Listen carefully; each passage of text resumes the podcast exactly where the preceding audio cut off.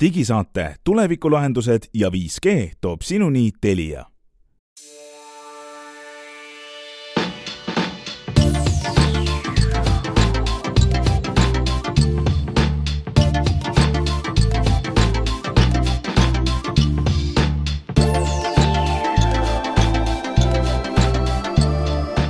Tere, head kuulajad, käes on juunikuu kõige esimene ilma nimeta digisaade, milles on täna Henrik Roonemaa ja Hans Lõugas ja meie äh, räägime sellest täna, et Eestis on uus internetiteenuse pakkuja, kes toob siis ülikiire interneti isegi no konkurentidega võrreldes võib-olla seitsekümmend protsenti odavamalt koju kätte. mis imega tegu on, uurime. Eestis on 5G äh, ametlik sagedusluba antud ühele ettevõttele hirm suure raha eest, mida see tähendab ja koera jälgija millega oma koeradel kõige parem jälgida on tehnoloogia abil, kuidas monitori vaadata ja mis on Google'i äh, ajalooliste ebaõnnestumiste järel lõpuks kõige õnnestunum suhtlusäpp. räägime sellistest teemadest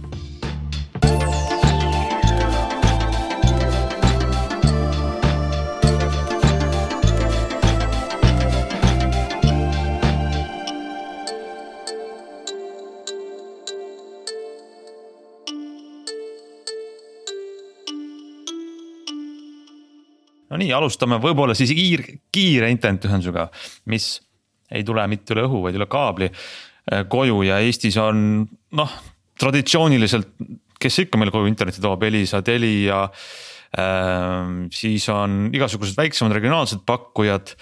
aga nüüd on äh,, hinnakirja panevad need suured paika ja umbes hinnataseme, aga nüüd on äh, juunist siis äh, väljas üks uus internetiteenuse pakkuja, kes lubab väga kiiret internetti ootamatult soodsa hinnaga. ja tegu on äh, sellise ettevõttega nagu Apollo, Apollo tv, mis on, kes võib-olla mäletab, siis on sihuke üle interneti teleteenuse pakkuja olnud. aga Apollo tv toob nüüd siis välja ühe gigabittise ühendusega internetti, mille eest tuleb maksta ainult kolmkümmend kolm eurot kuus no see hind on soodne küll. on, ma ei tea, mis ta muidu maksab, ega seda, ütleme see ühe gigabittine on natukene selline äh, nagu reklaamitrikk ka, ma ütleks. ütleme se no, selle, sellega on just. mitu asja, millest me nüüd hakkame rääkima, eks ole, selle pakkumisega. seal on palju asju. esiteks, mul ei ole muidugi, ma ei tee maha ühe gigabitist netiühendust. Aga ja. ma küsiks su käest, Hans, palju viiesajane on eh. neil? Maksab. ei, räägime, räägime nüüd positiivsest, räägime sellest, et ikka gigabitine ühendus, see on hea ja kolmkümmend ja, ja sa küsisid, palju konkurentidel on, siin on tegelikult ähm,. gigabitine on väga, kallis vaadata. konkurentidel, eks, kas mälu järgi ma ütleks, Telia on kuskil sada eurot kuus äkki või? just, eh, noh, üheksakümmend üheksa Telial ähm,, ka Tele2 kui sul on siis fiiberkaabel kodus tulnud mingit kaudu, siis Tele2 kaudu saab selle seitsmekümne euroga mm. -hmm minu arust Elisal on umbes sama suurusjärk, no umbes saja kanti on see gigabitt mm. -hmm. aga kas see, oot-oot, kuidas selle ettevõtte nimi oli, Apollo tv Ap? Apollo tv oh,. Apollo internet, mis iganes. kas nad pakuvad ka aeglasemat ühendust või pakuvadki ainult seda ja ainult selle hinnaga? jah, hea küsimus, mina nüüd käisin kohe uurimas nende kodulehel ja mulle tundub, et ainult üks internetiühendus ongi kolmkümmend kolm eurot ja, ja üks gigabitt mm. -hmm. ehk siis tegelikult sul ei ole valikut võtta sellest veel soodsamat või, või natukene aeglasemat versiooni. just, et ähm, äh, küsimus on lõpuks, eks ole, selles, et mitu eurot kuus sa oma netiühenduse eest äh, välja käid ja, ja see just. küsimuse teine pool on loomulikult see, et kui kiire see on. aga ma arvan, et Eesti, Eesti nagu ma olen olnud väga pikalt seda meelt, et Eesti äh, interneti püsiühendused on ebaõiglaselt kallid on väga-väga kallid. Ehm, ja ärme üldse lähe sinna, kui kallid nad on ähm, ärikasutajatele. siin üks päev Geeniuses ilmus lugu sellest. ma hoidsin kahe käega peast kinni, kus inimesed üritasid äh, seletada ilusaid sõnu kasutades, miks äh,, miks on väikeettevõtja kontori jaoks mõeldud internet nii tohutult kallis. Ehm, noh, võrreldes näiteks kodukasutajaga. mina ei usu, et sellel mitte mingit loogilist seletust saaks olla. Äh, ja ja ärme sinna praegu lähe, aga ka erakasutajatele ikkagi ütleme, selline normaalse või hea kiirusega netiühendus on kindlasti üle kolmekümne euro kuus. miks ma küsin seda gigabitist, gigabitist ostetakse Eestis nii vähe ja noh, ütleme selle, selle hinna sa võidki tõsta suhteliselt nagu lakke. ja nagu me näeme, Telia sada eurot kuus, noh, see ongi ikkagi lakke tõstetud nagu hind, nii et ehm, ja see ei ole Just. mõeldud selliseks massi noh, tooteks. küll aga ma, ma tahaks tulla sealt nagu sammu alla ja küsida, et palju maksab kolmsada, kolmsada või, või viissada, viissada ja, ja noh, kui me vaatame Elisat näiteks, sellises viiesajane on kolmkümmend kolm eurot kuus ja siis saja viiekümnene on kakskümmend kuus, kakskümmend kuus eurot kuus ja viiekümnene on kakskümmend eurot kuus. ehk küsimus, et meie nagu probleem Eestis ei ole selles, kui palju maksab ülikiire netiühendus, vaid probleem on see, palju maksab netiühendus üldse. isegi viiekümne megabitine on, on kakskümmend eurot kuus, on ju. ja no Elisa, lihtsalt mul on kodulehekülg praegu lahti, ega see Telias see olukord parem ei ole mul, mul on lahti Telia kodulehekülg ja siin on niimoodi, et noh, pool, viissada megabitti on juba nelikümmend kaks eurot no isegi täpselt, see on see küsimus, et mida ja sina ja mina soovitaksime oma sõbrale, kes ütleme, kasutab no, keskmiselt internetti, tal ei ole vaja gigabitti. mina soovitaks kolmsada, kolmsada. Sellist, ma ei tea, kas selline, Elisal ei ole sellist, ma ei tea, kas Telia. Telial on kolmsada, kolmsada. Ja aga noh, sajane on kõigil, mina isegi ütleksin, et kui sa noh, tegelikult saab ka enam nagu läbi sajasega, küsimus on, kui palju nagu korraga kodus kasutatakse sellist video streaming ut mitmest seadmest, siis on vaja rohkemat. Ja aga noh, kui ma, ma vaatan ikkagi äh, suvaline tarkvarauuendus on, võib juba sul olla gigabaitides ja gigabaitides, eks ole, et noh. ei no istud ja ootad lihtsalt ütleme, tarbetult mingit asjad. vähemalt sada, paarsada oleks hea ja ja, see hinnad on siin kahekümne, kolmekümne euro kandis, nii et ähm,. no sajane, mõttes... Elisal ei ole ka muide sadat, Elisal on sada viiskümmend ja see on siis kakskümmend kuus eurot kuus, eks no eks need operaatorid mõnusasti panevad nagu trepiastmed või redelipulgad oma paketid, et sa täpselt ei saa võrrelda. aga ühesõnaga, mida me nagu tahaksime, ma, mis Eestit nagu edasi aitaks, eh, on see, kui see kui interneti, kui ütleme normaalse hea kiirusega internetiühendus kodus maksaks kümneka näiteks. no ma lihtsalt vaatan lakke, eks ma tahan, ma nagu psühholoogiliselt mm -hmm. ütlen, ma tahaks tunduvalt alla tulla sellest, mis ta täna on täna ta on ikkagi normaalse hea kiirusega netiühendus, nagu me siin kahe peale kodulehte vaadat-, kodulehti vaadates aru saime, ta on ikkagi noh, kakskümmend viis eurot kuus kindlasti, võib-olla kolmkümmend eurot kuus. ja see on nagu see probleem ja tead, kui äh, internet maksaks kümme eurot, väga kiire internet, noh sihuke internet, et sa ei pea mõtlema kiiruse peale. siis ma arvan, et see raha, mis sa säästad kolmekümne euro pealt, tuled kümne euro peale selle panevad inimesed kõikidesse teenustesse, mida saab osta üle selle ühenduse, olgu see lisa striiming kanalid, olgu see muusika, et tegelikult mm. -hmm see on nagu julgustab sind, et mul on nüüd kiire ühendus, ma võin kõiksugu mänguteenuseid, kasvõi ma mängin online'is. oota, aga, aga lähme selle Apollo juurde tagasi, me nüüd oleme need nii põhjalikult maha teinud. Et, et, et, et keegi valesti aru ei saaks, kaasa arvatud Apollo äh, tegijad, et see ei ole halb asi, mida nad pakuvad, see ei ole halb mõte ma lihtsalt väga tahaks näha, et selle sellise turunduslikult hästi kõlava gigabitt kolmekümne, mis iganes euro eest, eks. Ehm, et äh, selle kõrvale tuleks ka näiteks saja megabittine, ma ei tea, kuus üheksakümmend üheksa.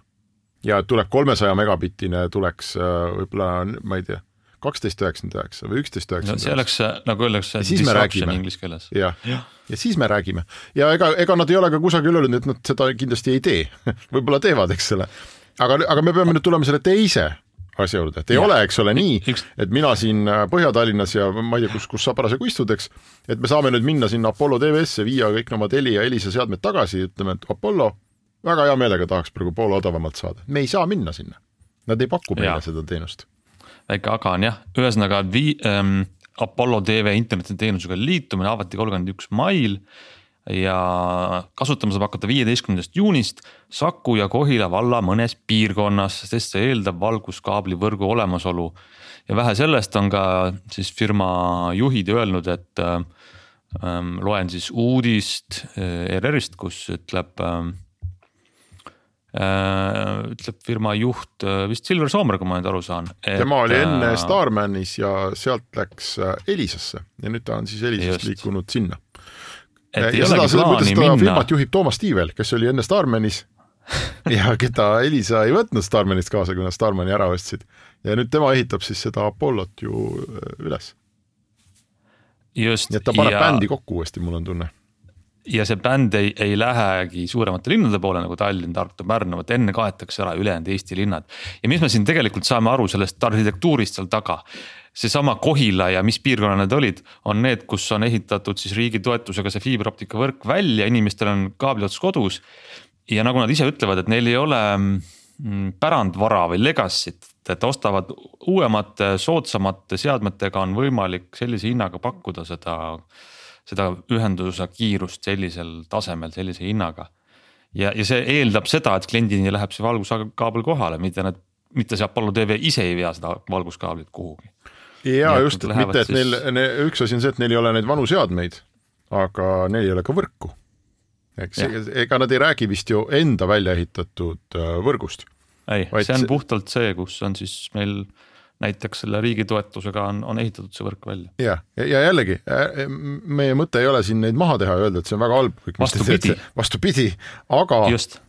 Noh, ka kindlasti üks põhjuseid, miks nad saavad seda nii odavalt pakkuda, on see, et nad, neil võrku ei ole Nad ei ole pidanud, noh, nad rendivad seda loomulikult, eks, aga, aga nad ei ole pidanud seda ise välja ehitama ja ise kõiki neid kulusid oma raamatupidamisse sisse võtma ja seda alginvesteeringut tegema ja nii edasi, nii et siin on nagu palju agasid ja kui nad linnadesse tahavad jõuda, noh, siis me siis näeme, kas seda võrku oleks või seda internetiühendust oleks võimalik veel endiselt sellise hinnaga pakkuda. kui sa pead hakkama ikkagi ise välja ehitama ja maju kaabeldama ja korteritesse neid viima ja see kõik on päris huvitav nagu väljakutse. jaa, Äh, tegelikult on see hea ja huvitav, et selline konkurents tuleb, aga nüüd lõpetame selle teema jällegi sellest tarbija vaatest. Tegelikult on niimoodi, et kui ma praegu maksan kolmkümmend eurot võib-olla siis äh, konkurentide aeglasema ühenduse eest, siis on see mulle väga hea uudis, et ma sama hinna eest saan nüüd gigabitise. Mhm. aga kui ma olen nüüd selline inimene, et kas ma olen praegu maksnud kakskümmend eurot näiteks. ma ei tea, saja megabitise ühenduse eest, no siis on mul ikkagi kaks korda rohkem hakata maksma kolmkümmend kolm eurot ja ma saan gigabitise, noh, see tegelikult ei ole võib-olla mõistlik. nii et ootame neilt äh, soodsamaid pakette. Just nimelt ja ootame tegelikult ka ikkagi neid laienemisplaane, et, et kuhu, kuhu nad siis lähevad, et ja, ja kui palju nad selle valguskaabli järel käivad. Ja no veel kõige lõpuks võib-olla mõni ei tea, et kogu selle Apollo asja omanik on Markus Linnamäe. Ja tal raha on ja ambitsioonid ka on, et iseenesest ei ole see halb mõte kui Eestisse tuleb selles valdkonnas konkurentsi juurde. et Linnamäe tegemistega on, ma saan aru, et tihti on kaasnenud pigem mure, et tema tegemistega jääb konkurentsi vähemaks Eestis või tema äristrateegiaga. noh, see oleks siis võib-olla, kui ta tõesti pühenduks üle-eestilise uue sideoperaatori väljaehitamisele, eh, siis tuleks konkurentsi juurde ja, ja see oleks tarbijatele hea. aga noh, nüüd me jagame ikka küll väga laskmata, isegi nägemata karunahka. nii et ja. lõpetame selle ära ja vahetame teemat väga, väga lähedasele teemale. Saime siin mitu saadet kaasa elada sellele, kuidas, kuidas Eestis tehakse seda 5G oksjonit, 5G litsentsi oksjonit ja ähm, vahetult pärast seda, kui te olite eelmisel nädalal lõpetanud oma saate salvestamise ähm,, selgus, et esimene litsents on välja antud või mitte välja antud, vaid tegelikult äh, oksjon on võidetud ja oksjoni võitis Elisa ja selle litsentsi hinnaks jäi seitse miljonit kakssada kuus tuhat kakssada kaheksa eurot. ja tuletame siis meelde, et see äh, kogu see oksjon kestis umbes kuu aega, mis ta algas kolmandal mail ühe koma kuue miljoni euro pealt, toimus viiskümmend seitse vooru mm,. nii et äh, kuu aega võttis siis aega esimese litsentsi väljaandmine ja kui me täna küsime, et miks siis ei ole meil juba 5G võrku lahti, ei ole lahti sellepärast, et seal on teatud hulk formaalsusi, äh, konkurent, konkursi tulemused tuleb kinnitada ja Elisa peab äh, mingid rahad üle kandma kuhugi ja siis nad saavad mingi paberi ja ütlevad, et, et hakake pihta. aga kui, kui sellega läks kuu aega, äh, isegi natuke rohkem, ütleme tegelikult, sest kolmandal mail see hakkas ja täna on kuues ja võrku ei ole me, me ütleme, salvestame kolmanda juuni õhtul seda, eks, et võib-olla nüüd Elisa teeb laupäeval võrgu lahti, et siis, siis on. aga, aga mis ma tahan öelda, on see, et, et järgmise 5G võrgu avamiseni läheb vähemalt kuu, ma arvan. et ei tea, no või siis nad saavad väga palju vähemate voorudega hakkama. ei tea. aga kui see niimoodi ja. edasi läheb, siis, siis me jah, kuskil sügiseks oleme saanud 3G äh, võrgu või vabandust, 5G võrgud Eestisse no kes sinna on jäänud veel, on nüüd Tele2, äh, Telia ja siis äh, meie lõunanaabrite Bite või. Byte mm. -hmm. muidugi Telial oli selline hea vastus sellele mm, esimese ütleme koha siis äh, tulemusele, et noh, tegelikult nendel on vanadel sagedustel 5G juba üleval. et nad justkui, et, et ei olnudki vaja seda nii väga esimesena saada. aga ilmselgelt on, ega keegi nendest pakkujatest ilma ei taha jääda, nii et. Et ma arvan ka, et see ei lähe siin kiiresti, vaid võtab pigem aega mida nüüd siis tarbija peaks tegema, oleks küsimus, mina, ma võin rääkida, mida mina tegin, ma olin Nii. tellinud äh, ühest internetipoest äh, väga hea 4G ruuteri task, taskuruuteri, kuhu saab palju seadmeid külge panna ja mille kiirused olid väga head. mul on praegu üks eh, odav eh, vana Huawei oma, mida Eestis, ma arvan, iga inimene, kes on taskuruuterit näinud, ongi just seda näinud. Need on kõik ühesugused. pisike valge ja. ja, ja, ja selline libe karpike.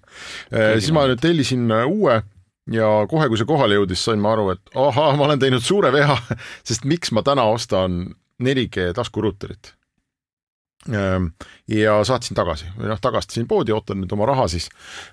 Aga sellega seoses ma hakkasin vaatama, et, et tuleb siis ikkagi ennast suveks ette valmistada ja hankida 5G taskuruuter. ma ei tea, kas sa oled saate faili vaadanud või ma saan mängida sinu peal seda ennustusmängu, et sa ütled, palju maksab. see maksab ütleme kolmkümmend kuni viiskümmend eurot on 4G taskuruuter. Palju 5G oma ma kahjuks vaatasin seda faili, mu üllatusmoment on kadunud, aga kümme korda kallim olin kukkumas tooli pealt maha jah, et 5G, aga mul on nüüd küsimus, et kui sa nüüd hakkasid vaatama seda 5G ruuterit, mis on kümme korda kallim mm. -hmm. kui palju sa pidid valima sageduste vahel ja vaatama, et mis need täpselt Eestis on, need sagedused ja kas see D-Linki seade on samadel sagedustel või sa läksid nagu huupi? ma ei ole ära ostnud, nii et selles mõttes ma ei ole veel kuhugi õnneks huupi läinud, aga tõesti noh, kui ma vaatasin Amazonis ringi Saksa Amazonis siis D-Link ja Netgear on kaks tootjat, kes pakuvad. Netgeari oma oli muidugi eriti kallis, aga neil ongi osad need taskuruuterid on väga-väga head ja väga kallid. Netgeari oma oli siin kaheksasada eurot ja D-Linki pakutakse neljasaja viiekümnega. Ehm, aga, aga seda peab natuke nüüd vaatama jah ma usun, et ei teki mingit sagedusprobleemi, sest see kõik on ikkagi standardiseeritud ja, ja ma ostan seda Euroopa poest, eks et eh, mujal maailma erinevates piirkondades on kindlasti kasutusel erinevad sagedused. aga ja, ma arvan, et ei tule probleemi. aga muidugi, mida see viiesaja eurone taskuruuteri hind näitab, esiteks eh, noh, et ta on nii kallis, eks ole mm, ma arvan, et see näitab seda, et, eh, et me oleme ikkagi väga-väga-väga selle turuteekonna nagu alguses praegu. ja, ja kui hinnad on kallid, siis ega tehnoloogiaga kahjuks käib tihtipeale kaasas see, et ma arvan, et see toode ei ole eriti hea sest see on umbes esimene põlvkond seda toodet. Ja need 4G ruutereid on tehtud, ma ei tea, kümme aastat, mm, võib-olla rohkem isegi, eks. ja, ja, ja nad, ja nad oskavad seda teha, probleemid on enam-vähem nagu seljatatud, see asi töötab, on täitsa lollikindel, nii et äh, mina tulenevalt oma ametist loomulikult pean ostma selle 5G ruuteri. Aga ma valmistan ennast vaimselt ette, et ta, ma ei tea, kuumeneb üle, jookseb kokku, noh, teeb kõiki neid halbu asju ja võib-olla ta ei tee seda, siis ma saan raporteerida teile siin saates. aga ma pean kahjuks arvestama sellega, et ta teeb selliseid asju ja ta teeb mingeid veidrusi. ja on... ja räägi, jah, palun. see, see on mõistlik, aga see on ikkagi noh, natukene selline, kui sa käid suvel ringi, sa lähed randa, sõidad mööda Eestimaad või kuskil mujal ja sul on taskus peale telefoni veel üks kaheksasaja eurone või noh, olgu neljasaja viiekümne eurone asi on ju. see on ikkagi natukene selline tead, kuidas ma ütlen kas nüüd riskantne, et ma nüüd ära kaotan selle või läheb liiv sisse või jääb katki, aga ta on ikkagi noh, ikkagi mm, noh, selgelt väljaspool seda nagu mõnusat äh, hinnaklassi, isegi kahesaja eurone oleks veel okei okay,, aga kaheksasada või viissada on palju ja, ja pigem on küsimus see ähm, kas sa mõtlesid ka sellele, et noh, tegelikult oleks ju praegu võimalus ikkagi telefoni hotspot'i kasutada, kui sul oled 5G-s ja, ja telefon seda toetab? ja muide, mul vot nüüd on hea küsimus, kas sina ütled peast, kas iPhone kaksteist toetab 5G-d või? ma arvan, et äh, äh, ja, ja isegi toetab, toetab jah, ta oli esimene, mis toetas, eks ole. jah mm, -hmm. et toetavad iPhone kolmteist, iPhone kaksteist ja, ja siis see kõige uuem SE. Ähm, ma ei tea, see, see telefoni hotspot on nagu on, et ähm, et ma kasutan äh, mobiilset internetti hästi palju ka mingit noh, ma ei tea, näiteks maal suvilas, eks kus ma siis tegelikult panen ta sabaga seina, selle väikse ruuteri, ja võib-olla terve nädalavahetuse teeb wifi't nii mulle kui ülejäänud pereliikmetele ja kõigile mu just. külalistele ja ma ei taha oma telefoni selles ametis hoida, eks. see on õige. ja, ja ma kasutan teda võib-olla mingites muudes oludes, kus seal on rohkem inimesi küljes, noh, ongi selline kaugkontori ajastul need vajadused mm -hmm. on muutunud ja hotspot on selline kiire ja korraks aga. ja ei, see, see, mida sa kirjeldad, see on, see on väga mõistlik, et eraldi seade on, kui, kui sa oled näiteks noh, üksi kuskil äh, wifi alast eemal ja sul on vaja arvutiga teha midagi, siis on võib-olla ilmselt see hotspot ajab asja ära just. aga jah, suurem hulk tarbijaid on taga, siis on hea eraldi seada. aga, aga ma selle pika jutu kokkuvõtteks, et kui me küsime, et mida ma nagu tarbijale soovitaks, siis mina täna ikkagi arvan, et no me ei tea üldse ka Elisa noh, võrgu tingimusi, me ei tea, kus ta levib, me ei tea hindu, kas see tuleb olemasolevatesse pakettidesse, peab hakkama juurde maksma või ei pea, eks ole, kõik need küsimused. aga puhtalt, kui ma vaatan seda taskuruuteri hinda, mul on ülikeeruline soovitada inimesele, kes spetsiifiliselt ei otsi 5G-d mingil X põhjusel, et kuule, mine osta see viiesaja eurone esimese põlvkonna ruuter, mis tõenäoliselt ei tööta eriti hästi. Ei, ma ei saa soovitada, ma kindlasti saan soovitada, et ole hea, mine osta see neljakümne eurone 4G ja, ja pane sellega edasi. Ja noh, vaatame mingite kuude pärast või võib-olla isegi aasta pärast, et mis seal turul toimunud on, sest päris selge on see, et need, need 5G hinnad peavad alla tulema, no see on absurdne, taskuruuteri eest lihtsalt kümme korda rohkem maksta. Jah, sest ilmselt ka see kiirused esialgu ei ole seal võrgus kümme korda 4G ja 5G vahel. Kümmet korda on isegi korda. raske uskuda, see tähendaks ikkagi mitme gigabitt, no vot ei tea, eks ähm,. sõltub. kindlasti seal ütleme standardid ja laborinumbrid näitavad ühte, aga, aga kui Eestis kuskil saada sealt paar gigabaiti, siis, siis või gigabitti, see oleks. ja, aga no, ma arvan, et seda isegi see sagedusvahemik ei võimalda nüüd jääme vastuse võlgu, sest ei ole ise kasutanud ja neid ülikõrgsageduse sinna Neid, mis võimaldavad tõesti super, super kiirusi üle 5G, no neid äh, litsentse pole Eestis isegi ju välja antud, on ju, või me, me pole isegi väga arutanud seda. ja need vahemaad on ka ülilühikesed, et noh, sa pead praktiliselt ikkagi masti all istuma selleks.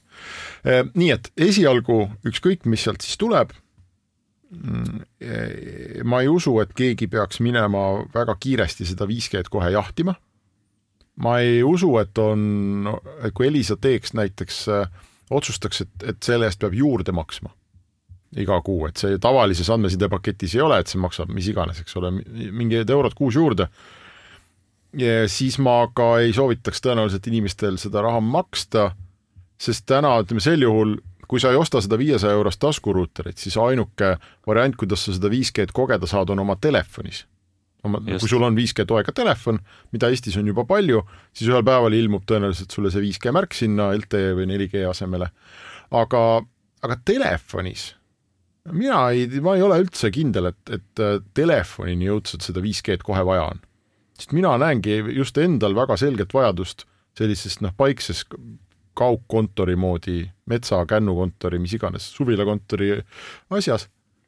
aga telefonis ma ei, ausalt öeldes küll kuidagi ei tunne puudust sellest, et mul oleks 4G asemel 5G. nii et näeb. soovitan istuda, istuda rahulikult ja mitte just ja, ja oodata ära, ma arvan, et Elisalt ja, ja siis ka järgupidi teistelt tuleb nüüd äh, lähiajal teateid, et äh, kuidas ja mis tingimustel nad viisvõrgu ja kust nad selle üldse lahti teevad, et mis see leviala on. Elisal on muidugi mõnus surve ka äh,, kuna nad saavad esimesena selle võrgu lahti teha, et siis äh, noh, põhimõtteliselt kuu aega saavad nad hindu dikteerida, ma arvan või ütleme, nad peavad ise leiutama selle hinnastamise, just see, kas me küsime lisaraha või ei küsi lisaraha, see läheb pakettidesse sisse või ei lähe, eks ole, kõik need küsimused. ja, ja võib ka juhtuda, et nad esimesed kuu aega näiteks vaatavad, et me laiutame siin turul üksi, et noh, maksa, maksa, maksa, hea tarbija meile juurde selle 5G võimaluse eest.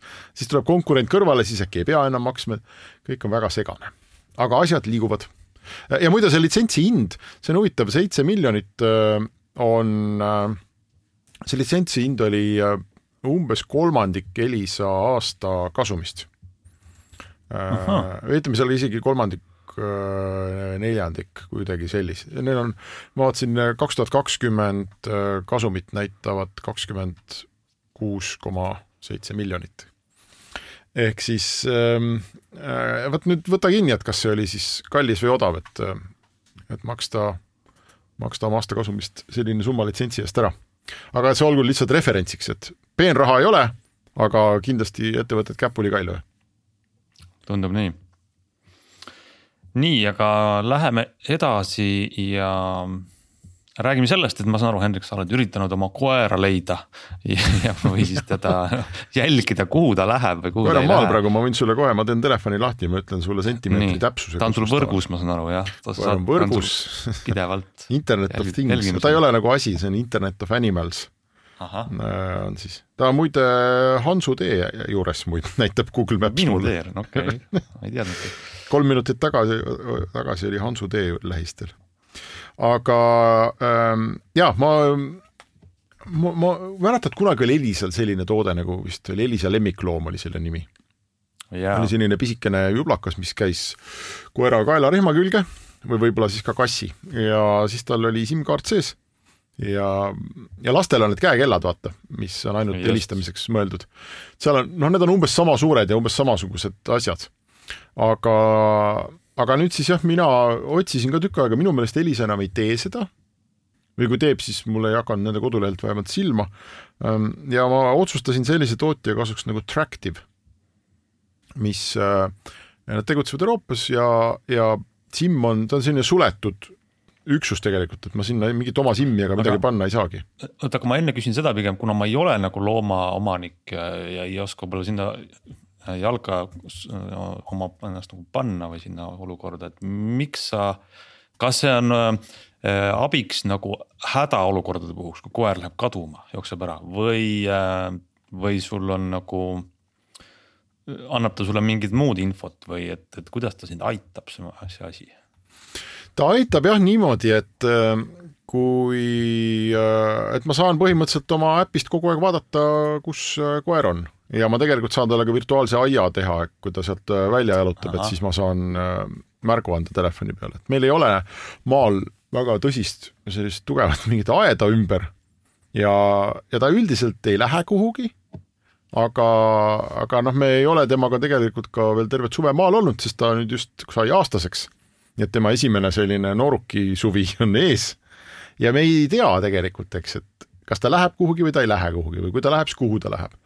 ja, ja lihtsalt selleks, et aru saada, kas meil on sellist jublakat üldse vaja, võib-olla ta ei lähe kunagi kuhugi. ongi, me näeme, et ta on kogu aeg hoovi peal meie juures aga võib-olla läheb, et ma leian ta üles, kui tekib küsimus, et aga kus ta on, eks ja, ja see on nagu see peamine põhjus.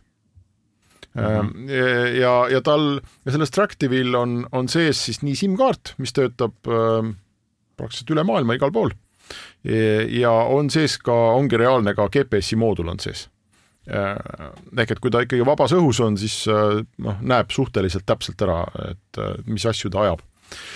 ja, ja ta on suhteliselt pisike, mis oli huvitav, ma võrdlesin neid erinevaid koerajälgijaid, mul on ka suhteliselt pisike koer. Et noh, selline, keda saab ikkagi kaenlasse võtta, kui, kui vaidlus tekib temaga. et äh, jube raske oli piltidelt aru saada, et kui suur see asi siis tegelikult ikkagi on. sest ühe pildi et ei mõjuks sellisena nagu on päästekoeradel ja, ja, ja puntsu kaela ümber. jah, jah okay. ja, ja noh, ta ongi selline nagu tikutopsist su suurem natuke, aga mitte palju. Ütleme võib-olla selline üks koma kaks tikutopsi või midagi, natuke piklikuma kujuga. nii et minu äh, sellise sülle haratava koera või kaenlasse haratava koera jaoks on ta okei okay,, aga kindlasti ei tohiks olla suurem. nagu suurem koer, siis on tegelikult üldse ükskõik. aga mis on huvitav, Ameerikas on üks selline äh, koera kaela, kaelarihm lausa, mis teda jälgib, nimi on FI, FI Mm -hmm. ja vähemasti piltide järgi tundub, et see on ikkagi palju-palju-palju väiksem. Selline õhem ja, ja ongi kuidagi nagu rihma, palju rohkem rihma moodi, et noh, ikkagi see Tractive on, on ikkagi konkreetselt nagu jublakas, väga selge jublakas, mis on koeral kaelas kogu aeg, kaelarihma küljes. aga, aga alati selle suurusega põhiline seos tekib sellega, et kui suur on sisse peidetud aku, et kui tihti seda laadima pead. jah, ja see aku peab umbes niimoodi, et noh, päevakese peab aga, aga et kindlasti peab igal õhtul äh, laadima. Nii et tegelikult ei ole väga hea mm. -hmm. aga no hull ka ei ole. päris tihti on ju. jaa, et ikkagi õhtul võtad äh, ära, aga noh, see ei ole ka nagu selline asi, mida ma arvan, sa nagu iga päev võib-olla ei kasuta või. või noh, kui ma elakski maal, noh siis ma kindlasti ei viitsiks jamada iga jumala päev selle Tractive'iga. siis ma pigem ehitaks endale nagu aia ümber ja ütleks, et koer ei lähe kuhugi, eks ole. aga mm -hmm. kui on selline, et sa käid või mina ei tea, lähed sõprade juurde suvilasse, noh, koer jookseb ringi, kasvõi metsa lähed temaga. Et, äh, et siis ta tegelikult aitab ikkagi väga hästi ja sul on vähemasti see meelerahu, et sa saad minna ja ta nagu üles korjata kusagilt. sest mul on minu, mul on, panin talle permanentselt, panin koerale kaela Apple AirTagi. müüakse ka jube kihvte neid kaelarihma selliseid hoidjaid AirTagile aga, ja AirTag on noh, väga palju väiksem kui see Tractive ja ikkagi täiesti märkamatu nii inimese kui koera jaoks, kes kes peab sellega ju ringi jooksma, aga, aga AirTagi probleem on see, et ta töötab ainult siis, kui koer otsustab joosta teiste inimeste juurde kuhugi, kus on hästi palju rahvast. iPhone'i kasutajate juurde, jah, jah. sa pead treenima kuidagi. jah, aga, aga kui ta maal jookseb mul metsa või võib-olla naabri hoovi peale, eks ole, kus ei ole üldse inimesi et siis ma ei tea, kus ta on ja, ja vot siis see Tractive nagu tuli kasuks. Ja no positiivne on see, et see Tractive ise ei ole nii hirmus kallis, ta maksab viiskümmend eurot, saadetakse postiga koju, aga kuna tal on SIM-kaart sees ja sa ei saa ise valida võrku ega mitte midagi mm, -hmm. siis sa pead maksma Tractive'ile, seal sõltub paketist neli kuni kaksteist eurot kuus. et noh, kust, kus ta siis töötab ja, ja, ja mida võimaldab. ja no muidugi mingid aastamaksud ja sellised asjad ka.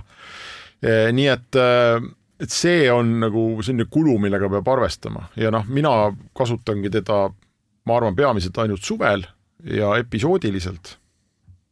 nii et ta on ikkagi päris noh, peab mõtlema, et, et kas ja miks ma ikkagi tahan seda raha nagu kulutada. ja võib-olla ka, kui mm -hmm. koer jääb vanemaks, rahulikumaks, noh, praegu tal on see möllav teismeiga, on ju. aga ta on sihuke rahulik vanamees, noh, kuhugi ei lähe, et mis sa siis ikka ise jamad selle Tractive'iga aga põhimõtteliselt ühesõnaga, mis ma selle jutu lõpetuseks võin öelda, et on olemas mm,, on mõistliku suurusega ja töötab. Nii et kui kellelgi mm -hmm. on mhm. vaja, siis äh, Tractive'it võib, äh, võib põhimõtteliselt minna ostma. aga ma tahtsin ühte veel küsida, sa ütlesid, et selle ütleme siis hind, igakuine hind on sul kõigub, äh, ma ei tea, neljast kuni kaheteist euroni või, et mis, mis see siis tähendab, et sa mõnega saad paremini või on mingi lisafunktsionaalsused või mida see sulle annab, et, et miks on äh, kallim kuu, kuutasu või odavam kuutasu, et näed, näed koera uuendust minuti tagant või sekundi tagant või kuidas lisavõimalused siis on? seal on jah, see mingi, mingisugused lisavõimalused näiteks, et kui kallim pakett on, see on, ütleme neil hästi palju, kui see kuumaks sõltub sellest, mitu, mitu kuud või mitu aastat sa ette ostad. no näiteks, kui see on see basic pakett ja ostad kaks aastat ette, siis maksad neli eurot kuus aga kui tahad mm -hmm. iga mhm. kuu maksta, maksad kaksteist eurot kuus mm -hmm. sama asja eest. Ja okay. kui ostad aasta ette, maksad kuus eurot kuus ja premium pakett on äh, noh, on ka nagu selline, et aastas äh, on, kui sa ostad aastase, siis on äh, seitse eurot kuus.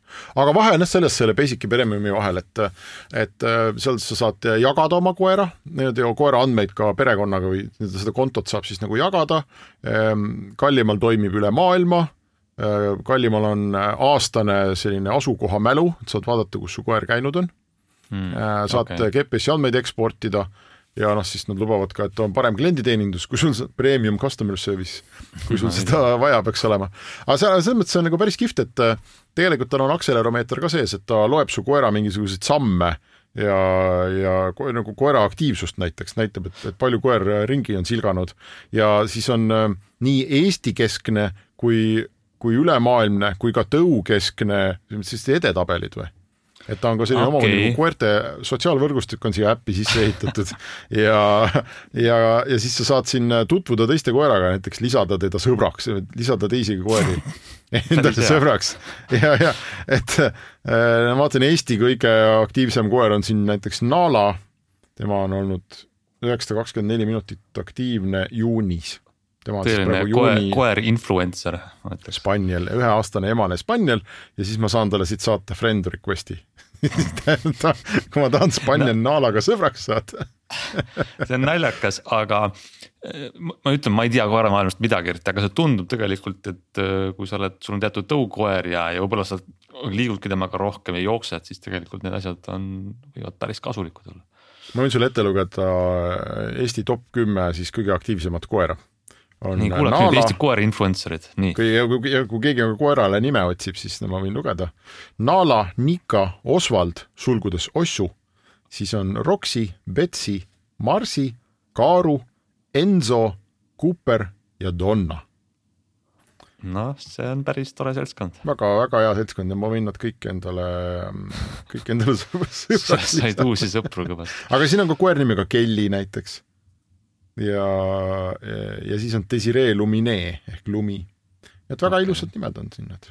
Tuli ja Daisy ja veel no, üks Enso, Enso on popp nimi koerale, et miks, millegipärast võib-olla Itaalia päritolu.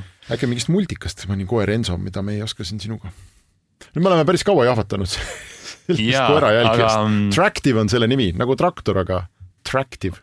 Tractive, no selge. Neid on teisi ka, WeNect, WeNect on äh, üks nende konkurent, mis ka Euroopas kõvasti toimetab ja, ja Amazonist muidugi saad osta lugematu hulga neid, kus sa saad ise SIM-i sisse panna. aga mm -hmm. seal on see, miks ma ei läinud seda teed, oli see, et ma kardan neid äppe natuke et ma pean siis oma telefoni installima mingisuguse jumal teab mis äpi, mingisugust jumal teab mis, mis Hiina firmalt, eks ole, ma annan sellele äpile igasuguseid juurdepääse asukohtadele ja noh, päris palju, eks ole, infot.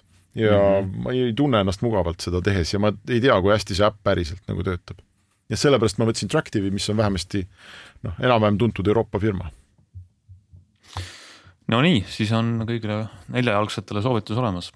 jaa, just nimelt hüppame korraks äkki vahepeal Google'i maailma mm,. hüppame jaa, meil on siin üks äh, õiges asendis töötamise teema, aga ma arvan, me võime selle järgmiseks äh, nädalaks jätta, et on, on siin tarkust jagatud küll, aga nüüd on sinu kord rääkida. sa, sa üritad mulle väita, et Google on jälle midagi tegemas oma ja. sõnumiäppides ümber Just.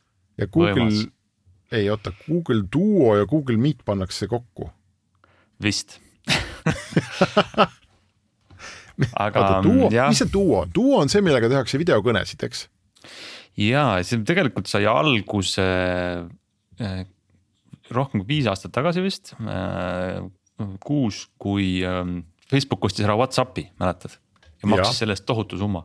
ja, ja Google'is oli muidugi jama häirekellad püsti, et mida siis meie teeme. Nad tõid välja Google Duo, kus sai niimoodi üks-ühele teha videokõnesid. siis oli seal selline asi nagu Google Allo A tähega mis mm -hmm. oli mhm. sõnumiäpp mm. -hmm. ja Allo juba sellega koos, kisus asi nagu kraavi, et kas sul, mul on siis eraldi äpid, et ma ühega video, teisega saadan sõnumeid, siis tuli mingi aeg Google Messages, nagu sa mäletad mm.. mis oli nagu justkui tava, ütleme kõigi Androidi telefonide jaoks peaks olema vaikimisi sõnumi äpp, mis on nii SMS-id kui ka siis ütleme rich text ehk siis ka meediaga sõnumite saatmine. ja rääkimata sellistest suurepärastest äh, toodetest nagu Google Hangouts, Google Chat, Google Voice. Ja kõige viimasena jõuan kõige tähtsamani, on Google Meet ähm,. mida, miks see siis praegu mulle silma jäi ja miks on see oluline, et Google Duo bränd pannakse kinni ja liidetakse siis selle äh, Meetiga ja see on tegelikult äh, noh, mõnes mõttes justkui tundub, et kas see on oluline, kes seda Google Duot ikka kasutab. Ehm, võib-olla Eestis see Duo ei läinudki väga käima, aga näiteks vaadata äpi poodi, näiteks Google Play poodi, siis seesama Duo on saanud viis miljardit allalaadimist. viis miljardit äh,? miljardit, biljon ehk siis miljard äh,, viis, viis pluss miljardit näitab praegu ma kahtlustan, et osa neist on mingid automaatsed allalaadimised, et sa ostad no, Androidi ikka... telefoni see on kõik. huvitav küsimus ja no kindlasti korduvad, maailmas on üldse mõni miljard nutitelefoni, võib-olla paar, paar miljardit äkki või. ja nendest nagu Android on, mis me ütleme, kuuskümmend, seitsekümmend protsenti, midagi sellist. no ühesõnaga rohkem kui pool, aga mitte palju rohkem kui pool, sest äh, iPhone'e juba ainuüksi on minu meelest, iOS-i seadmeid kokku on miljard ähm,. nii et jah.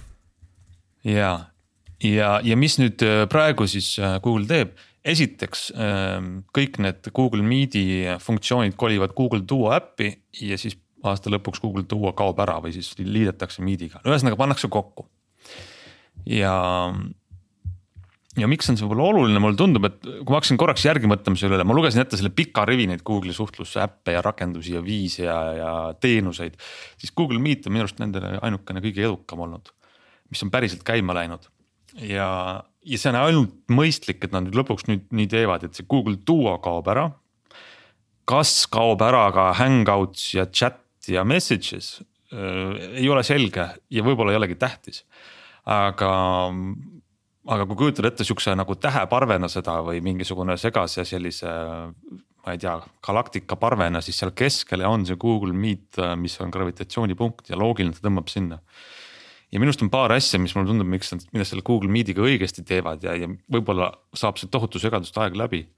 mulle tundub, et kõige väiksem ja ka tihti ka tüütum, aga edukam asi on see, et kui sa näiteks paned oma Google'i kalendrisse mingisuguse mingisuguse sissekande, näiteks järgmine esmaspäev kell kolmteist.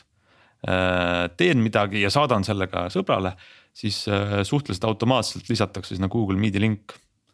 ehk siis me võib-olla ei saagi kokku kuskil, aga me tahame rääkida omavahel ja, ja Google Meet on kohe olemas, et see vaikimisi sealolek. see on see Google platvormi efekt ja, ja ta on kohe olemas ja, ja selline nagu ma ei pea mõtlema, kus see meet on, kuidas ma ta lisan, kuidas ma ta installin ja kuidas ma seda saan.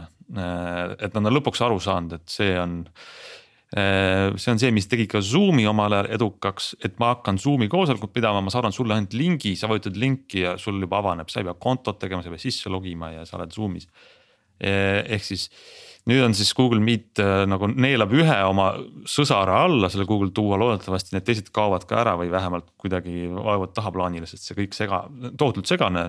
iseasi on veel Hangouts ja chat ja messages, aga, aga suhtlus, ütleme, see on ju selline üsnagi fakt, et sotsiaalmeedias on Google üsnagi läbi kukkunud, olid omal ajal Google plussid ja muud teenused ja see ei jõudnud kuhugi. aga millest nad on hästi hakkama saanud omavahelises suhtluses on ju Gmail ja, ja mulle tundub, et Google Meet on nagu päris suure potentsiaaliga, et olla ka seal Gmaili kõrval see videoplatvorm, kus rääkida. Ja Google Meet tegelikult äh, minu, minu jaoks miskipärast kõigist nendest ähm, koosolekuplatvormidest on Google Meet selline, mis mulle meeldib kõige rohkem ei ole kunagi mingeid jamasid alati nagu töötab ja kuidagi väga lihtne, hüppad sisse kõnesse, kõik kuidagi nagu käib ja mingit üleliigset tarbetut vidinaid ja pudinaid ja mingit keerukust seal ei ole. et minu meelest väga hästi õnnestunud, mulle meeldib seda kasutada, mis on noh, minu meelest Teams on selle vastand. just, Teams on viimasel kohal, võrrelda Meet, Zoom ja Teams, siis Teams äh, tõmbab su ventilaatorid käima, kui sul on ventilaatorid arvutil ja kui ei ole, siis sa lihtsalt läheb kuumaks ja ja ta on ebamugav. ja Teams ei suuda, siiamaani ei suuda meelde jätta, äh, millist heliseade, milliseid heliseadmeid ma koosolekute pidamiseks kasutan, et iga jumala kord, kui koosolek hakkab, ma pean käsitsi minema kuhugi menüüsse ja uuesti ütlema talle, mis, mis, mis mikrofon ja mis, äh, mis heliseade mul on, no see on absurdne. ja, ja Zoom on selline, mulle nagu kõrvalt vaadates tundub, et Zoom ei ole kaks aastat mitte midagi teinud. minu arust ta kõik on täpselt samamoodi ja kuidagi selline noh, et ta ka on ju okei okay,, aga aga oleks oodanud võib-olla, nad olid ikkagi liidrid tol ajal. kui see koroona hakkas, siis ju noh mm -hmm., zoom imine muutus lausa nagu tegusõnaks. aga nüüd on teda ikkagi väga väheks jäänud, et äh, mulle tundub, et see, see on umbes niimoodi ära jagatud, et kõik, kes äh, on asutused, kasutavad äh, Teamsi alati, kui tuleb mingi asutuse koosolekukutse eriti riigiasutused yeah,, praktiliselt kõik on Teamsi peal ja, ja siis, kui on sellised, ma ei tea, startup'id või sellised väiksemad seltskonnad või mis iganes nagu asjad, siis, siis seal on Google Meet. ja Zoomi yeah. ma olen üliharva viimasel ajal Eesti kontekstis küll sattunud. mina kasutan päris palju rahvusvahelised töökõned on Zoom ja, ja, ja Meet ei ole võib-olla sellepärast, et tõesti ettevõtetes on see nii-öelda kogu stack ehk siis kas sa võtad Google'i teenuste stack'i, kus mm -hmm. on siis docs ja mail ja kõik muud ja siis tuleb Meet'i kasutatakse või siis on jah, nagu sa ütled, on see, võetakse Office'i nii-öelda kogu pakett ja kus on, on see Teams sees. Teams on sees, ma arvan, et see nii ongi. millel on midagi nagu valesti, ei, ei teagi praegu analüüsida, mis see on, aga seal on jah. mingi jama on, on., jah. Äh, nii, aga siis me vist äh, saame lõpetada üleskutsega, jah?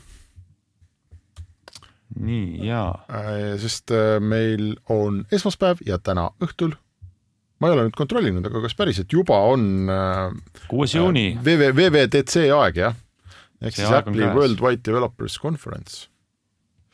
ja täna õhtul, teie kuulete meie saadet mm, ja täna õhtul on siis äh, äh, Tim Cook laval ja räägib, mida Apple'il uut on, mis me ootame.